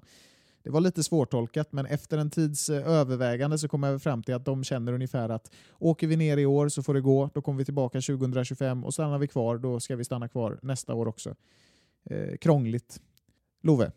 Stannar Gävle kvar? Eh, nej, det gör de inte. Eh, det, är, ja, det är svårt att veta, men eh, det som jag tror att de faller på är väl en, eh, en oerfaren trupp och, och inte en särskilt erfaren tränare, eh, får man väl ändå säga. Eh, all heder till Mikael Bengtsson, han, han verkar trevlig, men jag, jag tror kanske inte att han är det taktis, taktiska geniet som kommer, som kommer att göra underverk med, eh, med Gävle. Och sen så ska vi också ha med oss att eh, ja, men, lag som kommer från norrätten har ju en historik av att inte lyckas eh, på samma nivå så, som söderettan. Eh, men eh, ja, de har ju fått in lite erfarenhet som du säger där och ja, vem vet, de kanske kan skrälla. Eh, men, men jag tror på nedflyttning. Ja, alltså eh, jag är väl inne på, på samma spår att det, det, de kommer få ett, ett tufft år och de har kanske inte samma bredd i truppen som exempelvis Guys har då eh, som är uppflyttad från, från ettan södra. Eh, sen har man ju fått in, alltså så oerfaret är det ju ändå inte. De har ju fått in eh, Anton Lundin som har gedigen erfarenhet från superettan. Eh, eh, man har spelare som tidigare har erfarenhet från superettan och man har fått in eh, Jork Rafael. Han har ju också erfarenhet från, från superettan. Sen har man ju en, en intressant spelare minst sagt i, i Uranera som, som en gång i tiden faktiskt spelade med Barcelonas U18-lag. Så, så nog finns det ju lite kvalitet i, i laget i alla fall.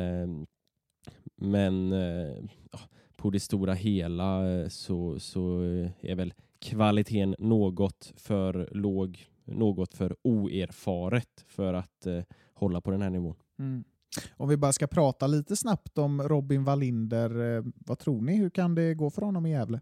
Nej, men, eh, jag kan väl ta det redan nu att jag har satt eh, Robin Wallinder som eh, Gävles viktigaste spelare under 2023 och det, det är väl lite partiskt så men eh, men, eh, men Robin är ju en, en otroligt stark karaktär så som vi känner honom. Eller liksom en, eh, han, jag tror att han fick med sig en, en riktig styrka därifrån att ja, men, utvecklas i, i skuggan av andra målvakter och sen att han klev fram så som han gjorde och, och enligt mig var en av de viktigaste spelarna eh, för, att, för att vi skulle få stanna kvar i superettan. Eh, ja, Robin Wallinder. Eh, ja, lite erfarenhet men, men framförallt kvalitet enligt mig. Eh, här får Gävle ett riktigt kap eh, som kommer vara avgörande för deras säsong.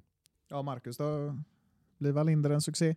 Ehm, ja, alltså det, det finns eh, definitivt eh, alla förutsättningar för det. Sen är det ju inte helt klart om det är han eller Tobias Johansson som kommer att, eh, att, att starta. Jag tror nog att de kan alternera lite granna. Ehm, men, men, men självklart så, så är Robin en, en målvakt med, med stor potential och ja, han, kan, eh, han kommer få, få det kämpigt eh, mellan stolparna i, i Gävle tror jag med tanke på, på eh, övriga truppens svagheter. Men, men ja, han kan nog vara, han skulle kunna vara den som blir tungan på vågen och, och, och räddar Gävle kvar här faktiskt. Mm. Och nyckelspelare i Gävle, vem tar du ut där? Nej, men jag har ju ändå eh, landat i att eh, det blir Anton Lundin. Han har ju gedigen erfarenhet från superettan. Nu får han bilda mittfältspar med brorsan Oskar Lundin. Om, om nu Oskar kommer tillbaka. Han har varit lite, lite småskadad Oskar här på, på försäsongen. Eh, men, men Anton Lundin är ju en vass spelare med, med mycket erfarenhet. Gör en hel del poäng och ja, är, är duktig, en duktig superettanspelare. Så Anton Lundin eh, blir Gävles nyckelspelare 2023. Mm. jag är inne på, på samma spår som dig. Det, det är ju Anton Lundins rutin som blir eh, otroligt viktig för Gävle och ehm, att ha med honom i truppen kommer nog vara väldigt, väldigt värdefullt. Det är ju en gammal antagonist till dig och, till dig och mig här i poddsammanhang, eh, Marcus. Ni som har varit med från, från början och lyssnat. Ni, ni vet ju att vi har en liten eh, historia med honom. Ja, vi har ett litet horn i sidan till, till Ja, vi har ju det. Vi får väl, vi får väl önska honom lycka till i någon mån. Ehm, ja, som vi har varit inne på, det, det finns ju inte så mycket rutin, eh, men eh, kan någon av de här lite mer orutinerade spelarna ta ett lyft i år? Vad, vad tror ni? Ja, nej, men jag, jag är inne på, på en spelare här som har eh, gjort en fin försäsong, som eh, gjorde det bra eh, i, i Sollentuna i fjol i, i ettan. Eh, Konstantino Capotondi, apropå namn som, som klingar bra. Det är många bra namn i år Ja, alltså. det, är, det, är, det är riktigt Eh, starkt. Nej, men, eh, nej, men han är, en, en duktig eh, mittfältare som, som jag tror kan, eh, kan göra lite irrationella saker för, eh, för Gävle och, och liksom, eh, liksom bryta mönster och sådär. Så, eh, han tror jag kommer att eh, få sitt genombrott i år. Sen, eh, sen är det klart man kan prata om eh, Leo Englund då, som, som kanske spelar sin, sin för första gången då på den här nivån, men han har ju ändå varit med ett bra tag och gjort det bra på lägre nivåer. Så mitt val blir Capotondi då. Och Love då? Är det någon med bra namn? Io Ranera kanske? Alltså, jag har väl brottats lite med definitionen av vad ett genombrott är egentligen också. Alltså så här, är ett genombrott en ung spelare som inte har eh, så mycket erfarenhet eller är det en spelare som har eh, ja, men, störst potential till utveckling? Eh, jag har väl valt att, att blanda lite där och, och i Gävles fall så vill jag lyfta ja, men en, erf en hyfsat erfaren spelare, eh, York Rafael från AFC. Eh, ja, men har väl visat att, att han kan prestera på superettanivå men inte fått någon kontinuerlig speltid i, i AFC riktigt. Eh, en hel del matcher och, och, och han, han och hans erfarenhet och, och kvaliteter tror jag kommer att lyfta Gävle eh, 2023. Ska även sägas att han är uttagen i Rwandas eh, landslag och var borta med dem på, vad blir det nu? Ja men kvalet till eh, Afrikanska mästerskapen alldeles nyligen. Så York Rafael. Ja, men bara en, bara en sån sak som att spela landslagsfotboll för Rwanda. Um, ja, jag har väl också känt lite så här, ja, genombrott vet fan eh, om det är egentligen, men, men den jag tror kommer att kanske överraska även på den här nivån, precis som han gjorde en väldigt fin säsong i fjol, det är ju Leo Englund. Ehm, sen att sätta honom som ett genombrott, ja, det där kan vi snacka om hur länge som helst, men i vilket fall så tror jag att det är det närmsta ett genombrott vi kommer. Jag tror inte de här unga orutinerade spelarna kommer att tillföra så jättemycket om jag ska vara helt ärlig. Men, men när det kommer till Leo så, så är jag ändå spänd på att se vad han kan, vad han kan göra i, i den här ligan. Han har ju faktiskt ett allsvenskt år bakom sig i Sundsvall. Eh, det var väl 2017 eller något sådär. Det var, det var många år sedan, men, men det, det är klart att jag tror att han kan göra det ganska bra här också. Eh, du, Love, var ju inne på att Gävle åker ur. Vilken placering var det du hade satt dem på? Ja, jag har satt Gävle på en femtonde plats. Eh, så näst sist blir det för Gävle. Mackan då? Ja, nej men det är ju som det, vi har varit inne på här. De har tagit in lite rutin, men de har också tappat lite grann. Det har vi ju inte varit inne på då, men de har, har ju tappat eh, rutinerade målvakten Tim Markström som har lagt ner karriären. Så får vi se om, om Wallinder kan fylla hans, eh, hans skor, men sen har de ju tappat en, en ung och eh, lovande spelare som, som är intressant, som vi får anledning att komma tillbaka till eh, när vi pratar om Brage senare. Det är Pontus Jonsson. Han gjorde ju flest assist för klubben i fjol och, och, och är en spännande spelare. Eh, sen, jag tror väl inte riktigt att, eh, att de här rutinerade spelare kan lyfta Gävle särskilt mycket högre, så jag har faktiskt också satt dem på en 15 Och de har tappat Chuchu Chakasua och Chakasua också. Så har vi sagt det en gång till. Det har de gjort. Har Ja, gjort. vill du säga namnet? Eller? Nej. Vi... Nej, det kan jag inte Nej. uttala. Nej, det, det krävs eh, lite utbildning i lingvistik nästan tror jag för att lösa det där. Ehm, jag är väl egentligen inne på samma spår som er, att Gävle kommer att vara i botten av tabellen, men jag tycker ändå att det finns två lag som, som ser sämre ut. Och, och I början av säsongerna så pratar vi alltid om uppflyttningseffekter. Eh, jag tror absolut inte att Gävle kommer toppa serien efter fem omgångar. Där kanske jag får äta upp, men eh, jag tror ändå att man kan göra en okej start och liksom i alla fall hålla sig över det, det sista strecket, eller vad man ska säga då. Ehm, så jag tror på en 14 plats för Gävle.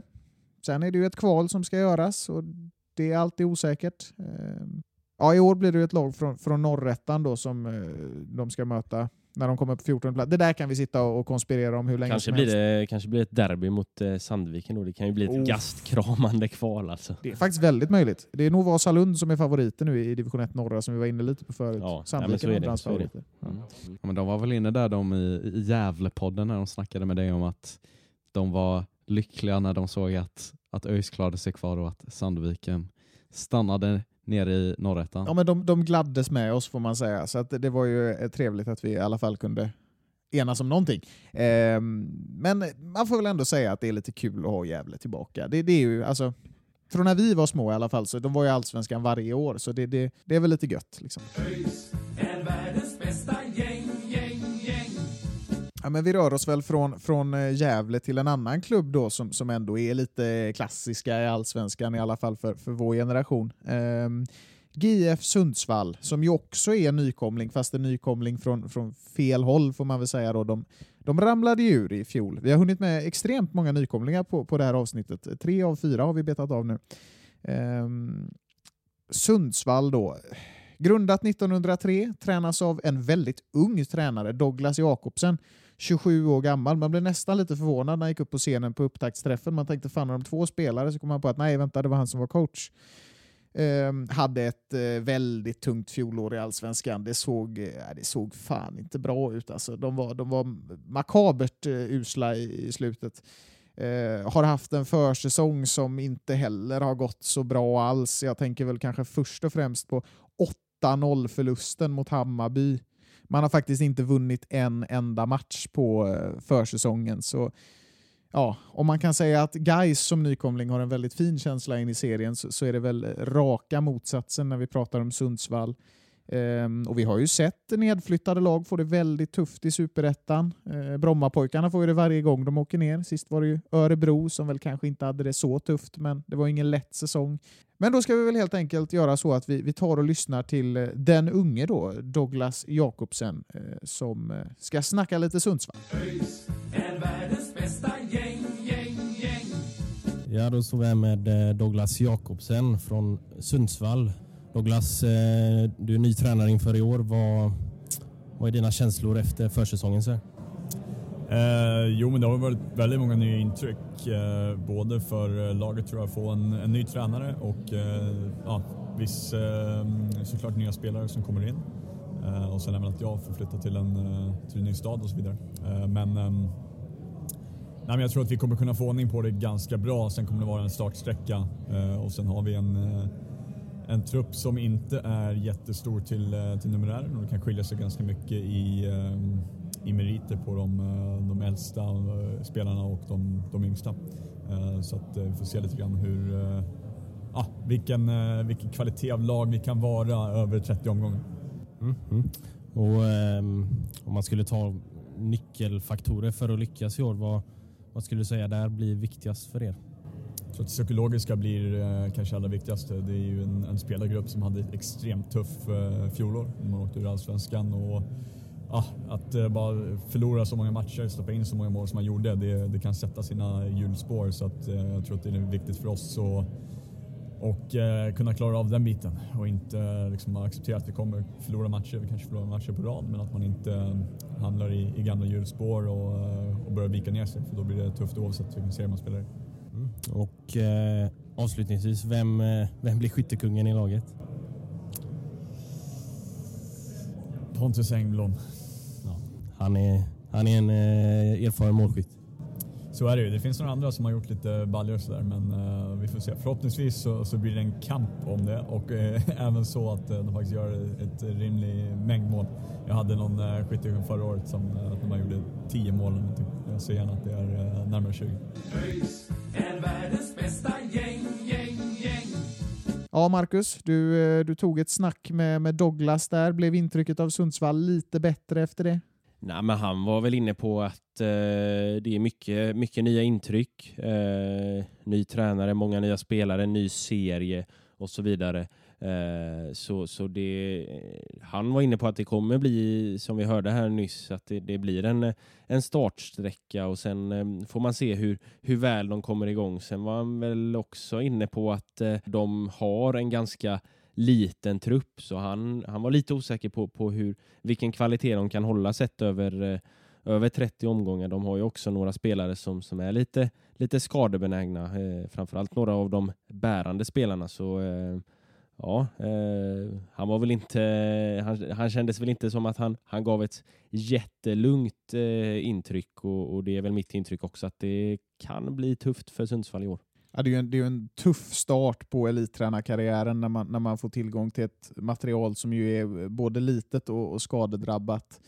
Eh, Love, har du något att tillägga? Eh, nej men jag är väl lite inne på att den motgång som mötte ja, men Örebro eh, 2022 kommer att möta GIF Sundsvall 2023. Det är en omställning eh, som ska göras från allsvenskan till superettan och jag ser väl någonstans att eh, GIF Sundsvall inte är väl rustade inför den omställningen. En, eh, en tunn trupp, en skadebenägen trupp, eh, samtidigt eh, mycket, mycket spetskvaliteter eh, hittar man ju i den truppen även så, så jag tror väl inte på ett fullständigt debacle men, eh, men det blir inga höga placeringar för Sundsvall i år. Om ni, om ni ska ta ut en eh, nyckelspelare var i, det här laget, eh, vem tänker ni på då?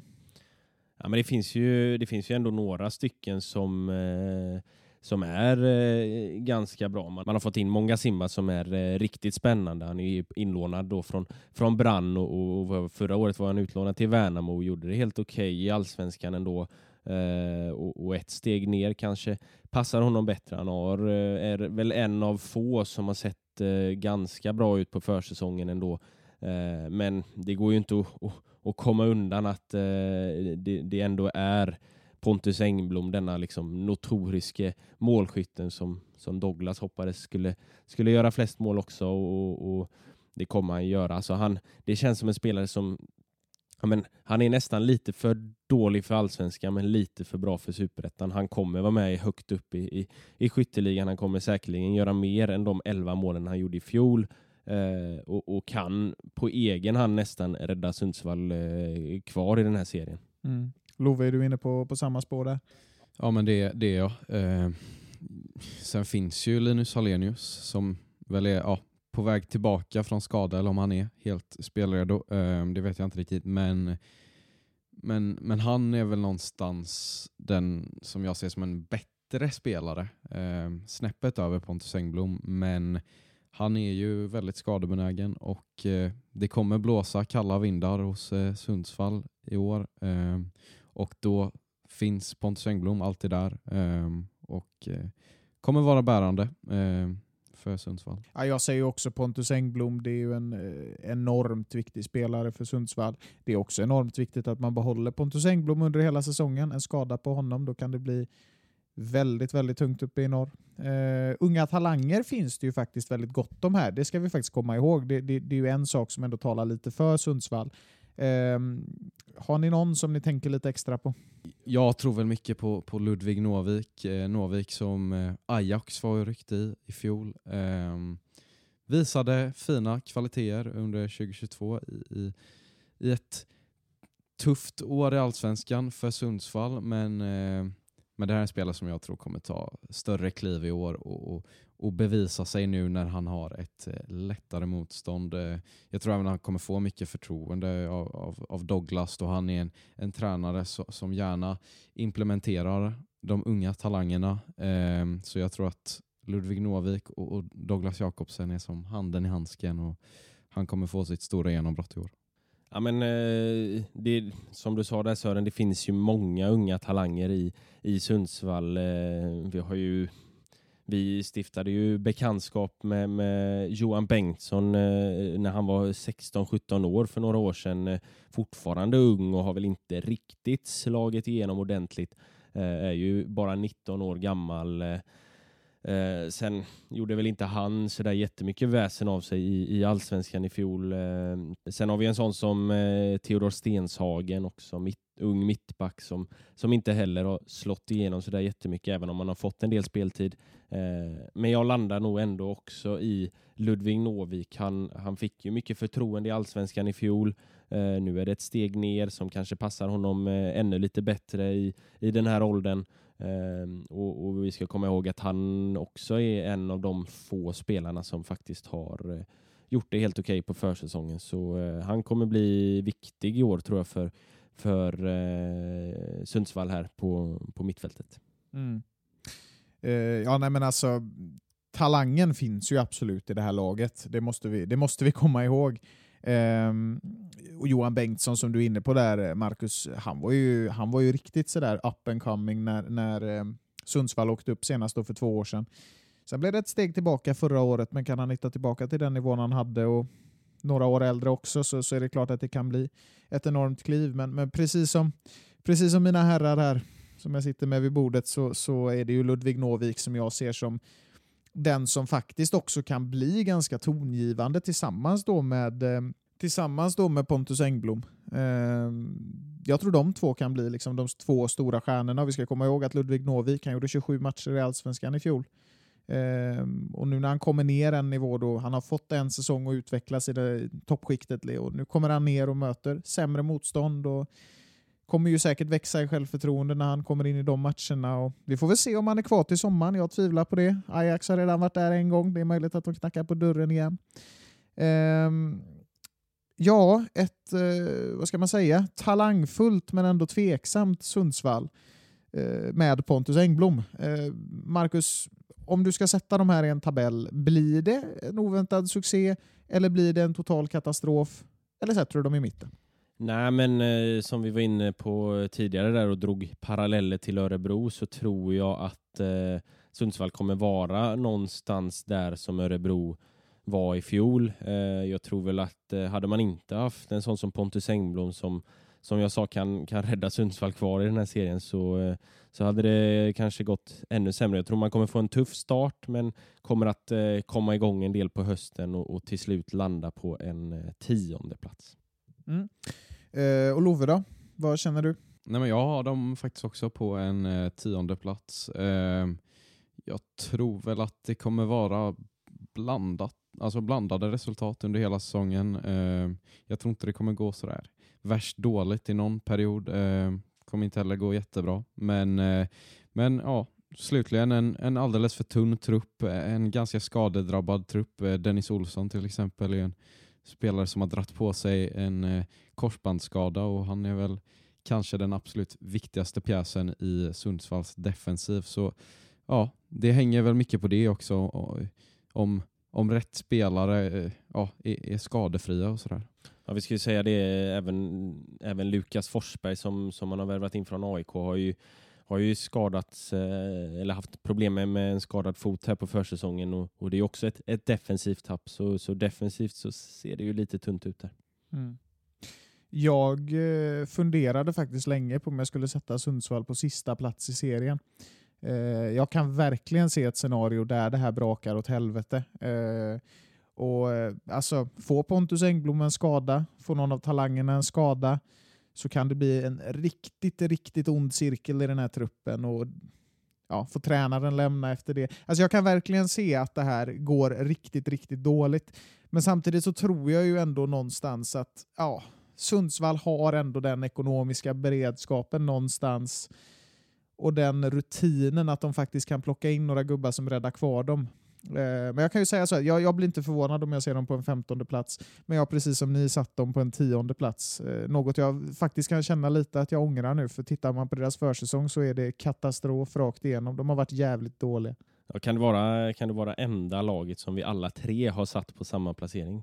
Det kan det nog vara. Det skulle jag tro. Mm. Ja, jag, tror nog, eh, jag tror nog det kan vara det. Faktiskt. Känns lite så. Nej, men alltså, om vi bara Om vi kan... nu får sätta helt objektiva eh, bedömningar annars så sätter ju alla ÖIS på första plats givetvis. Men det... Ja, det är min objektiva bedömning att de kommer rätta också. Nu har vi avslöjat det, men det var väl ingen som var förvånad. Men alltså, jag måste ändå stanna kvar lite på Sundsvall här. Alltså, jag känner ju att det här kan bli en riktig krisklubb och en annan grej jag har tänkt på det är ju att kan vi ha tre Norrlandslag i botten? Gävle, Östersund och Sundsvall. Ja, alltså, nej, ska väl inte gå händelserna i förväg, men, eh, men jag tog ju med ett snack med Magnus Powell här på, på upptaktsträffen, alltså Östersunds tränare och eh, ja, jag, jag, jag tyckte mig ana eh, förhoppningar och, och förväntningar på den här säsongen som, som sträcker sig högre än fjolårets resultat. Eh, så ja, jag, jag tror att Östersund kommer vara den klubben som inte är nere i botten, men det, det kommer vi som sagt in på Okej, senare. Spännande. Ja, Marcus då, vad tror du? Är det något Norrlandslag som kan eh, stå upp lite för sig själva?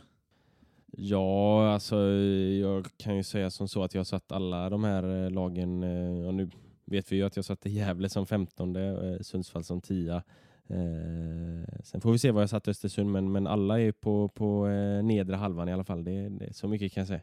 Ja, nej, det, det är inte högsäsong i Norrland eh, fotbollsmässigt just nu. Det är ju inga lag kvar i allsvenskan längre. Vi kan väl eh, hoppas på att Umeå får någon revival eller något, men det orkar jag faktiskt inte tänka på just nu. Ja, Norrlandsfönstret är stängt.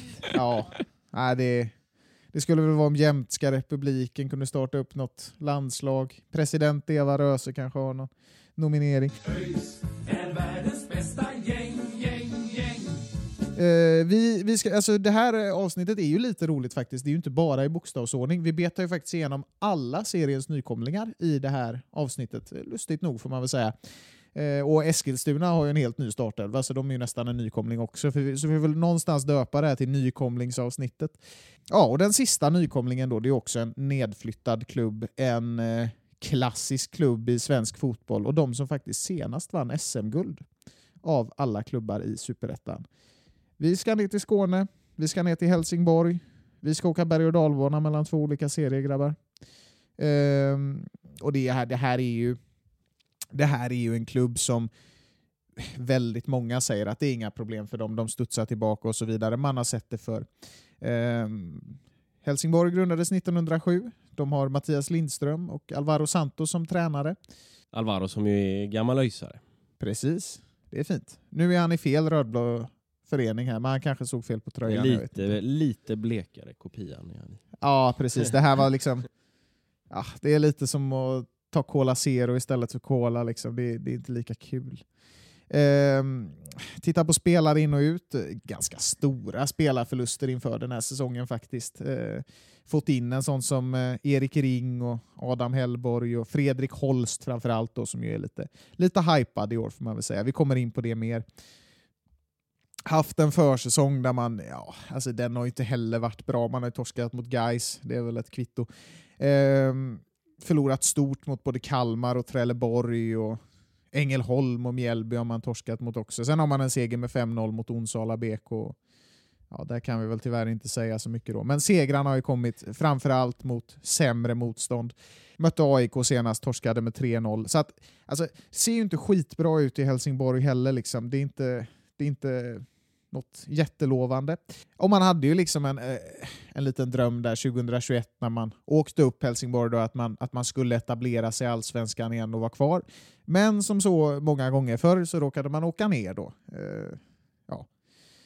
ja, vi behöver väl inte reta dem mer för det, det, det händer ju vartannat år. Det är de och Brommapojkarna. Ehm, Och eh, Halmstad ska vi säga. Ja, precis. Ja, de är ju uppe nu, men vi, ja, vi ser dem inte nästa år, för då är vi uppe. Men, men eh, de kanske kommer tillbaka. Skitsamma. Eh, Love, du var ju igång och eh, ja, nu kunde vi inte snacka med någon av tränarna, men du lyckades ju få tag på Kalle Joelsson, eh, målvakt i Helsingborg och en spelare som kanske vi, någon av oss kommer nämna som en nyckelspelare i år. Eh, vi lämnar över till det. ÖIS är världens bästa gäng, gäng, gäng. Yes, Då står vi här på eh, upptaktsträffen för Superettan 2023. Kalle Johansson, eh, fjolårets eh, bästa helsingborgare får man väl säga då. Eh, hur är känslan inför säsong? Eh, nej, men det är en positiv känsla tycker jag. Vi har haft eh, eh, en bra försäsong. Eh, några plumpar eh, som, eh, som det alltid är bra att, eh, att få fram svar på försäsongen. Eh, men nu på senare veckor tycker jag vi har eh, hittat rätt och eh, haft några riktigt bra prestationer. Så det känns spännande. Och- fjolåret var väl, var väl ett, ett hårt år för er. Och vad skulle du säga är de viktigaste lärdomarna som ni tar med er från 2022 i Allsvenskan? Eh. Nej, men vi har ju spelat i Superettan innan också och vi vet om att alla kan slå alla. Eh, så det gäller att man, man kommer påkopplad till, till alla matcher. Eh, det gäller att man, man, man kan inte släpp, slappna av mot någon utan det är fullt fokus hela vägen och alla matcher är, är, är lika svåra. Så, eh, att, vi, att vi håller en jämn nivå helt enkelt. Yes, och Helsingborg är ett lag som alltid har höga förväntningar på sig både från, från egen supporterbas men även från media. Vad, vad skulle du säga är de, de viktigaste framgångsfaktorerna för att ni ska möta de förväntningarna i år? Eh, nej, men det viktigaste tror jag är att hela truppen drar åt samma håll. Eh, att den inte spretar för mycket. Eh, det tror jag är en, en eh, stor anledning. Eh, sen som, som jag sa, att vi måste hålla en jämn nivå när vi spelar matcher. Och dippar man för mycket i den här serien så straffar man direkt. Eh, så det är hålla en jämn nivå och att eh, hela truppen drar åt samma håll för att man, man behöver alla, alla 25 spelare. Jag skulle säga att det finns någon av dina lagkamrater där som sticker ut lite extra mycket och någon som kanske kommer vara extra bärande. Som är extra bra menar du? Ja, exakt. Uh, svår fråga. Jag tycker vi har väldigt många intressanta spelare. Eh, men jag fick någon fråga här eh, vem, vem jag trodde skulle bli årets genombrott i vårt lag och då sa jag eh, Gigovic Junior där. Eh, jag tror att han, eh, om han håller sig skadefri, kan få ett eh, fint år. Eh, Ja, men precis. Och, och, eller vad, vad skulle du säga är er största motgång eh, 2023? Eller er största utmaning kanske som ni kommer behöva ta itu med?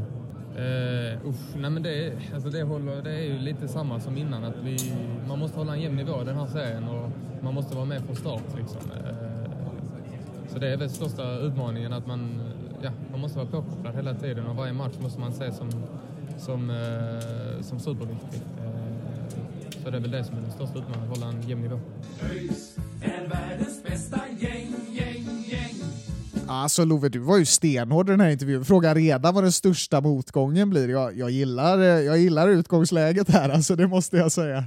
Ja, men det blev väl en, eh, det blev en rejäl choke där kan man ju minst sagt säga. Jag vet inte, käften går ju i ett och ibland så, så överraskar man ju sig själv med, med frågor som man inte ens visste att man skulle ställa. Så eh, ja, det, det blev väl vad det blev. Ja, vi kanske redan kan eh, dela ut priset till årets choke då till, till Love här eh, redan Alltså. på upptaktsträffen. Fan, jag tycker ändå han ställer relevanta frågor. Liksom. Det, det var ju tur att det inte blev en Jan Andersson, Bojan Djordjic historia av det här i alla fall. Han var lite mer förstå förstående, Kalle Joelsson.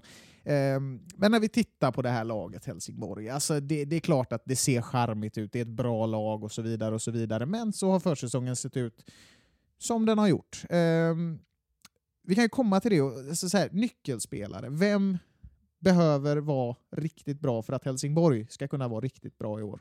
Nej, men Helsingborg har ju ett, eh, kanske på pappret då, eh, det namnstarkaste laget. Eh, som du sa innan, där man har ju fått in eh, Fredrik Holst som var väldigt bra i Elfsborg för några år sedan. Eh, Nu har han haft enorma skadebekymmer, brytit med de två senaste klubbarna. Elfsborg, en av dem då. Ehm, Och brutit de två senaste fötterna höll jag på att Ja, säga ja också. ungefär. Han har ju liksom varit, varit skadad. Eh, nu har han spelat en del här på försäsongen, men, men dessförinnan hade han inte spelat på, på åtta månader. Men, men eh, han blir ju definitivt eh, en, en eh, spelare att se upp med om han nu kommer i form. Sen eh, tittar man framåt så, så har vi ju eh, Amar Mushin som öste in mål förra våren i AFC. Eh, hade det lite tyngre i höstas, liksom hela laget. Eh, men, men om han kommer igång så, så är det definitivt en, eh, eh, ett ämne för, för en superettan, eh, en skyttekungs... Eh, ja, så är det definitivt ett ämne för, för, för skytte, skytteligaseger i, i, i superettan. Eh, Sen har vi ju Alhamavi som, som är, eh, är duktig, var duktig i fjol också och, och, eh, och kanske, kanske kan ta ytterligare ett kliv i år då. eh. Så det finns många. Adam Hellborg, är nyförvärv från Sirius också. Liksom, och, och, ja, Erik Ring är ju... Är, ju Ja, du namedroppar ju halva laget så, så, här, alltså, ja, det- men det, det, finns, det finns många och, och, och, och se upp med. Eh, skulle jag svara på vem som var min... min eh, Ja, du, du skulle... ja.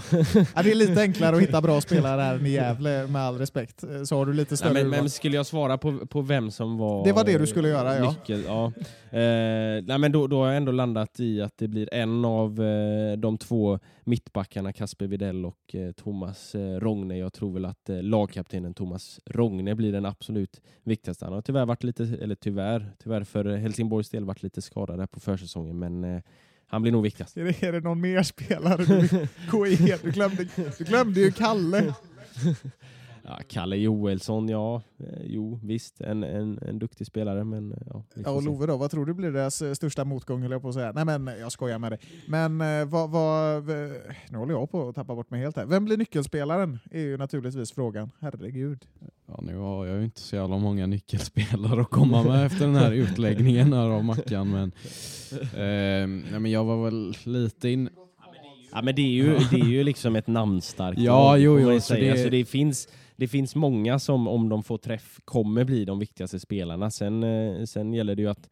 Ja, det är därför man får, får gardera sig lite grann. Ja, ja nej men eh, jag, jag var väl lite inne på ditt spår där med, med, med Thomas Rogne. Eh, men, eh, men jag kände väl att, att jag ville vara lite mer wild and crazy och, och, och ta en spelare som kanske också blir lite av då årets genombrott, eh, Erik Ring från AIK. Eh, jag tror stenhårt på, på Erik Ring. Det här är ju ett namn som har varit hett i, inom den svenska fotbollen i, i många år. Kom upp som vad blir det, 17-åring tror jag i, i AIKs A-lag och har väl varit lite fram och tillbaka, fått lite speltid här och där.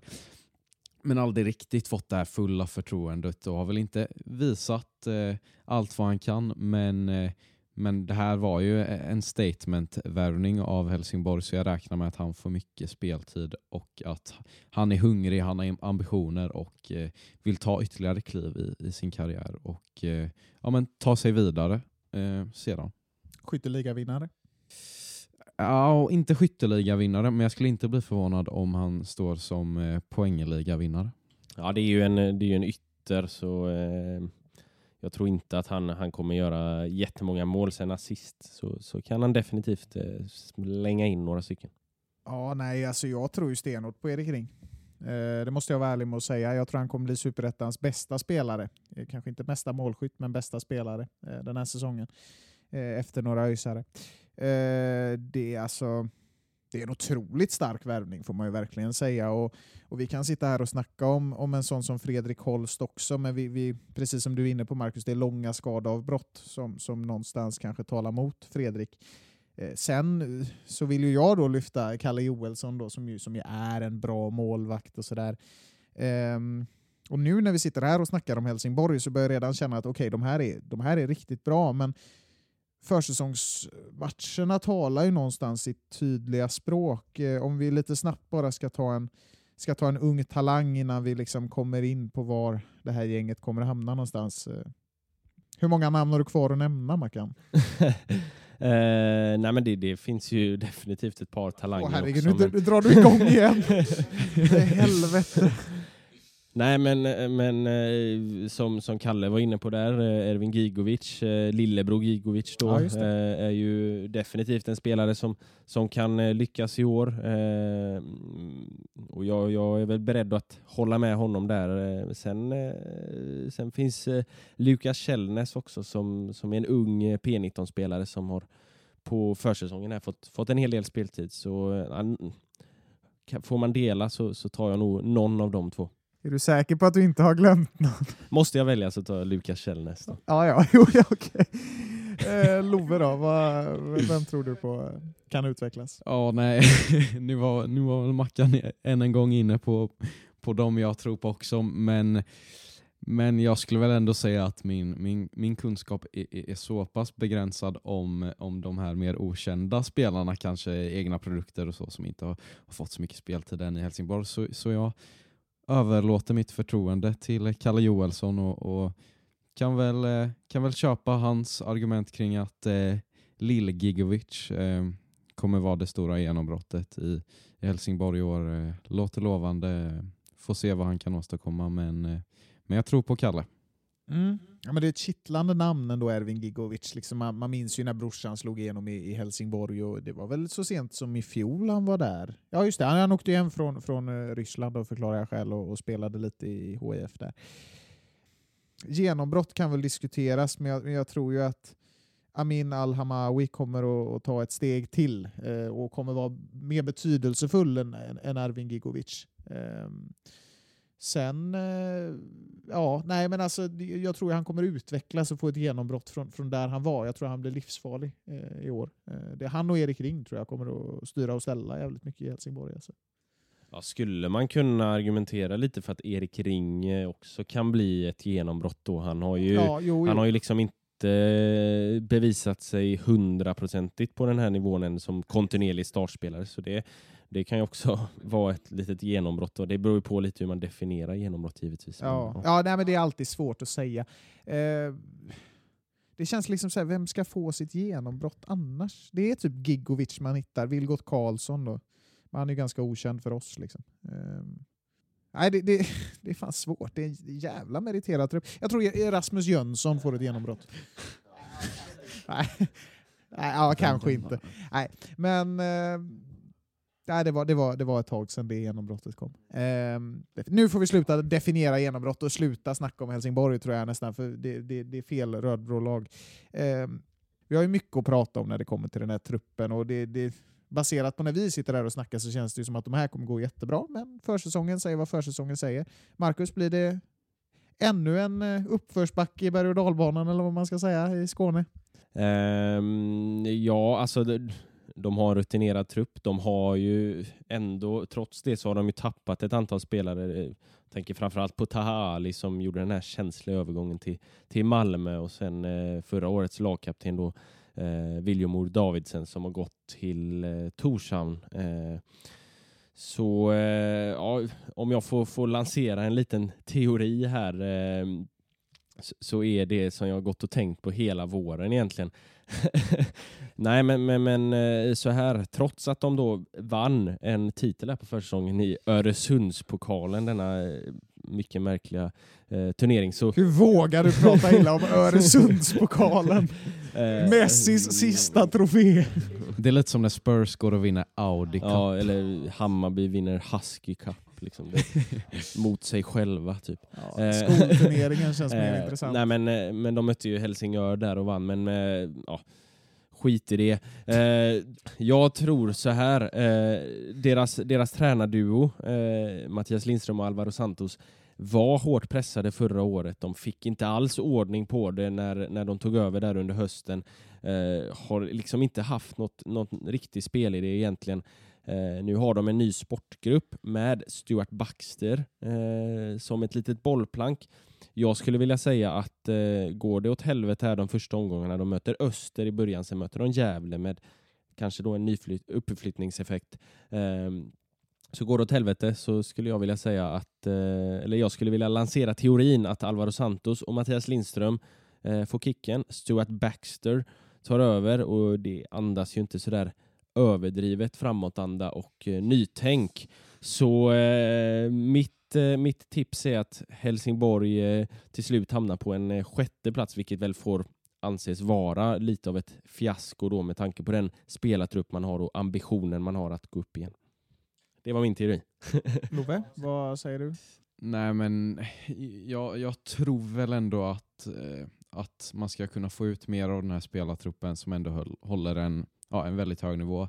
Men sen har jag väl velat fram och tillbaka då kring exakt placering. Jag har haft dem allt mellan eh, tia till en tredje plats som jag till slut nu ändå sätter dem på. Eh, det som talar emot dem är väl att det är eh, ja, men allmänt kaosigt i organisationen. Eh, det här med att ta in Stuart Baxter som ja, men någon slags mentor nu. Eh, han har en, en oklar roll helt enkelt. Det, det tror jag kanske inte kommer bidra till bra saker. För om man känner Stuart Baxter, Baxter så, så är det inte en, en man som har gjort sig känd för att vilja stå i skuggan av andra personer. Eh, så där kan det nog slå slint, men... Eh, Det är just därför han, han kommer ta över som tränare, tror jag, Ja. framåt, eh, framåt eh, slutet på, på maj där någon gång kanske. Nej men så jag, så, ja men exakt, och, och, och där tänker jag väl just att det kommer bli e, en, tuff start, en reality check för Helsingborg. Eh, de får en tuff vår men, men på grund av all rutin och, all kvalitet i truppen så kommer de att eh, bärga en tredje plats till slut och så får vi se i kvalet eh, hur det går där. Men, men en tredje plats för Helsingborg. Ja, nej men alltså vi kan ju sitta här och, och, och snacka, om liksom, snacka om namn hur länge som helst. Men vi ska komma ihåg att stora delar av den här truppen kom på 15 plats i Allsvenskan i fjol. Efter Värnamo, efter Varberg, efter Degerfors. Det är inte högklass. Alltså, majoritet, eller ja, den här truppen har liksom förlorat med 4-1 mot Kalmar, 3-1 mot, mot Trelleborg, 2-1 mot, alltså 2-1 torsk mot Ängelholm. Nu var det här rätt länge sedan, men, men fortfarande liksom. Alltså, det går att snacka namn i evighet, men när ett fotbollslag inte levererar så, så kvittar namnen. Liksom, och det tror jag kommer att, kommer att ske här, precis som ni är inne på också. Jag tror det kommer att vara en jävligt tuff start. Jag tror Stuart Baxter kommer in också. Ja, därifrån så, så, så, kan ju allt hända känns det som. Eh, men sen så tror jag ju samtidigt också att det finns en rutin i den här truppen. Jag tror absolut inte det kommer bli tal om nedflyttning. Jag tror man kommer resa sig på slutet och jag tror man kommer komma på femte plats. Men uppflyttning för Helsingborg, det tror jag inte på. Men eh, det var allt för idag helt enkelt. Eh, många nykomlingar att prata om. Eh, imorgon så kommer vi att prata om lag som var med förra året och det kanske blir lite enklare att skapa en, en analys av dem i alla fall. Eh, imorgon så ska vi prata om Brage, Jönköping, Landskrona, Skövde och Trelleborg. Så eh, vi hoppas vi hörs då och så tackar vi så mycket för idag och så säger vi som vi alltid säger gubbar. Ha det gött. Hej!